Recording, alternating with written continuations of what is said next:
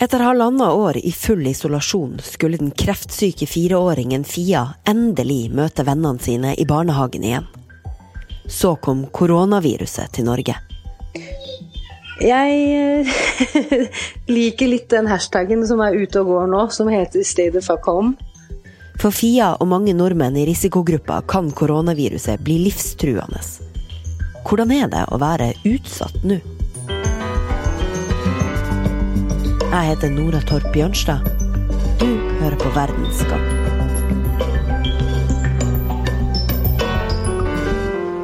Det å gå rundt og være litt sånn konstant redd hele tiden for at hun skal bli smitta av et eller annet, det er ganske utmattende. Og så Her hører du Marianne Sveen snakke.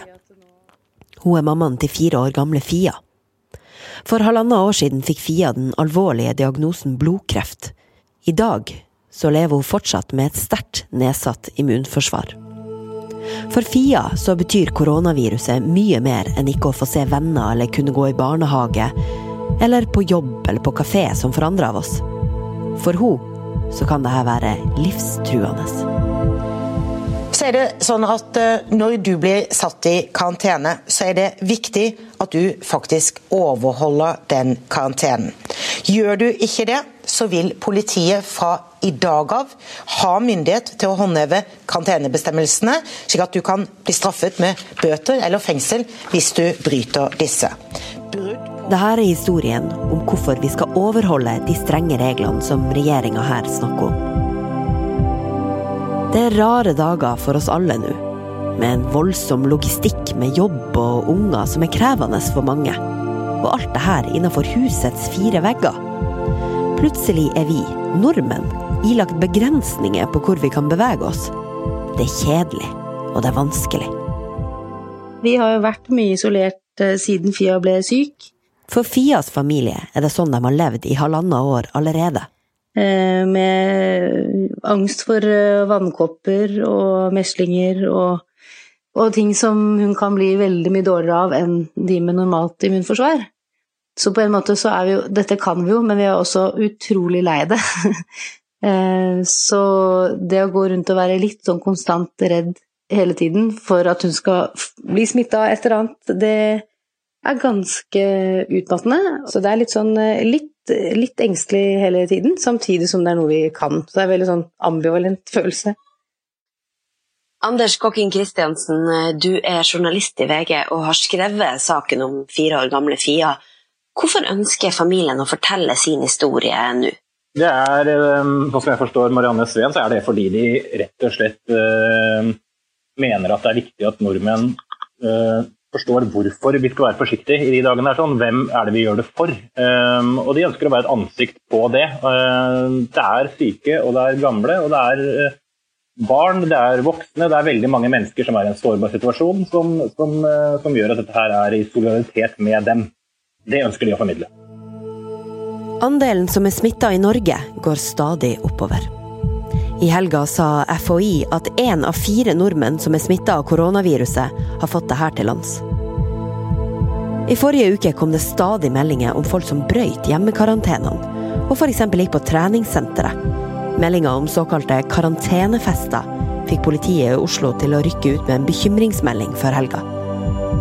Det sitter mange hjemme som blir veldig redd når de hører sånne nyheter.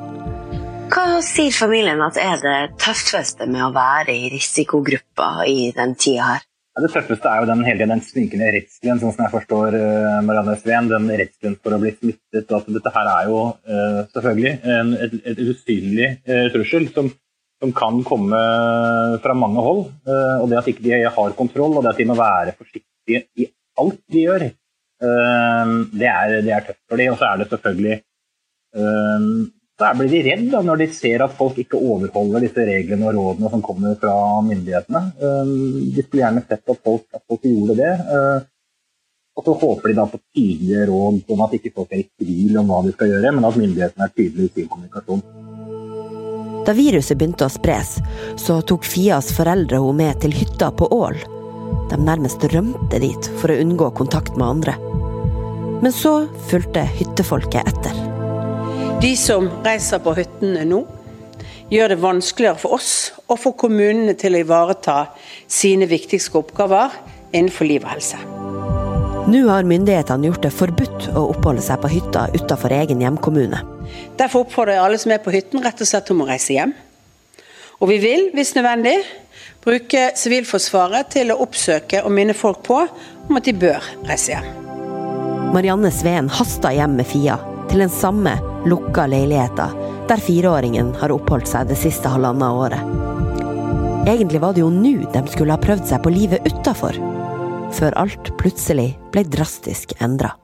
Hun har gått med et veldig dårlig immunforsvar i, i ett og et halvt år, og det er en del av behandlingen. Og nå, akkurat for ja, noen uker siden, så begynte vi litt i barnehage igjen. Der har ikke hun gått på ja, siden hun ble syk, da, i oktober 2018. Eh, og nå skulle hun eh, endelig få lov å begynne å leke litt med vennene sine igjen, som hun ikke har sett på lang, lang tid. Og så kommer det der virusdritet her og stenger alt og gjør at eh, vi må bare isolere oss igjen. Så, eh, så for henne så er dette mye mer fatalt enn for andre barn, og vi vet jo heller ikke hvor fatalt det kan være, for dette har jo ingen vært borti før. Det er grunn til å tro at så mange som to millioner nordmenn risikerer å få et alvorlig forløp dersom de skulle bli smitta av covid-19. Det gjelder nemlig eldre personer over 65 år, og personer med hjerte- og karsykdommer, diabetes, kroniske lungesykdommer, kreft og høyt blodtrykk. Mennesker som røyker, har muligens også en høyere risiko for alvorlig forløp av koronavirussykdommen, sier Folkehelseinstituttet. Anders, i arbeidet med denne saken her, så har du også snakka med Magne Børseth, som er professor og legespesialist i immunologi ved NTNU. Hva han sier om bekymringen til dem som er i risikogruppene? Han sier at den er høyst reell, og er, det er all mulig grunn til å ta det på alvor. Eh, det er jo ikke bare pasienter eh, sånn som Fia som, som eh, er i en sånn risikogruppe. Det er, det er veldig mange. Hva, hvordan betegner Børseth de tiltakene vi nå blir bedt om å gjøre i hverdagen vår? Han sier at det er helt på sin plass, og han sier at det er uh, i solidaritet med alle de som er uh, syke uh, og har vært syke, og i hvert fall har et hemmet immunforsvar. Det er i solidaritet med dem at vi gjør det, og det skal folk være klar over. og Da snakker vi foruten om kreft om tida, så kan det være revmatikere som skal gå på medisiner som hemmer immunforsvaret, eller det kan være folk som har fått transplantert organer og, og er svake på immunforsvarssiden. i, i sånn måte. Så um, ha det i bakhodet, er vel det han sier. For at Fia og andre i risikogruppa skal være trygge, så hjelper det ikke at bare dem holder seg inne. De er avhengige av at også vi holder oss mest mulig hjemme for at dette ikke skal spre seg for fort. Enn så lenge er det oppfordringer. Men Erna Solberg har ikke utelukka at også Norge kan måtte gjøre som Italia og Spania, nemlig å forby folk å forlate hjemmet, med unntak for jobb og mathandel. Hva tenker du Marianne, om viktigheten av å overholde de smittevernpåleggene og, og rådene som kommer fra myndighetene våre nå? Jeg tenker at I forhold til de rådene vi får av de som sitter på antagelig mer informasjon kanskje enn det vi har, samarbeidet med andre land, eh, så syns jeg det er skal man si da, det er altså, tilnærmet kanskje idioti å overprøve det, da. Eh, vi har tross alt ingen kjennskap eller erfaring med dette viruset fra før, annet enn det som skjer akkurat nå. Og det kan hende at det kommer eh, råd som strider mot hverandre, men jeg tror at det viktigste er at vi nå eh, vi, vi, vi hører på det de med erfaring og, og kunnskap har å si. Eh, og heller liksom overdrive litt, tenker jeg. Eh, når man liksom lurer litt selv på og klarer å tenke sjæl at eh, nå burde kanskje ikke barna leke så veldig sammen, men de har jo ikke sagt noe om det, så da kan vi gjøre det. Da er det kanskje greit å bare la de barna ikke leke sammen en liten stund, tenker jeg da. Og så får vi heller slippe opp etter hvert, fordi eh, vi ser jo at skaden er jo allerede skjedd, og eh, det, fordobler seg og tredobler seg over ganske kort tid, så, så jeg tenker at istedenfor å liksom se an, så kan vi heller være føre var og slippe opp, da. Så eh, for å minne folk på hva det er som er det viktigste for eh, denne risikogruppa, Anders, hva er det vi skal huske på å gjøre i solidaritet dem? Det er jo egentlig bare å følge de rådene som, som, myndighetene gir oss. Det gjelder håndvask, det gjelder det å ikke oppsøke folkemengder, det gjelder det å være forsiktig hvis du må ta kollektivtransport, det gjelder ikke la barna leke i store flokker, holde si nei til barnebursdager. Alt det som myndighetene sier. Så, det, er, det, er, en lang liste, men, men, det er ganske enkle grep tror jeg, som, eh, som skal til. Noe som, eh, som er veldig viktig da, for denne gruppen eh, mennesker.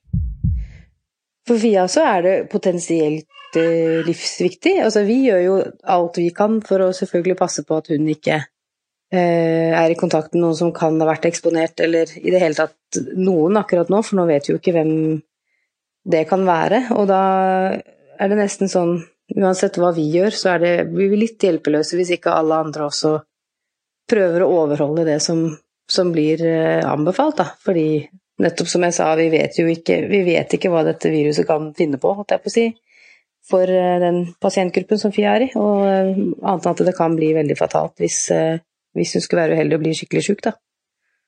Har du til slutt en oppfordring til folk å komme med, Marianne?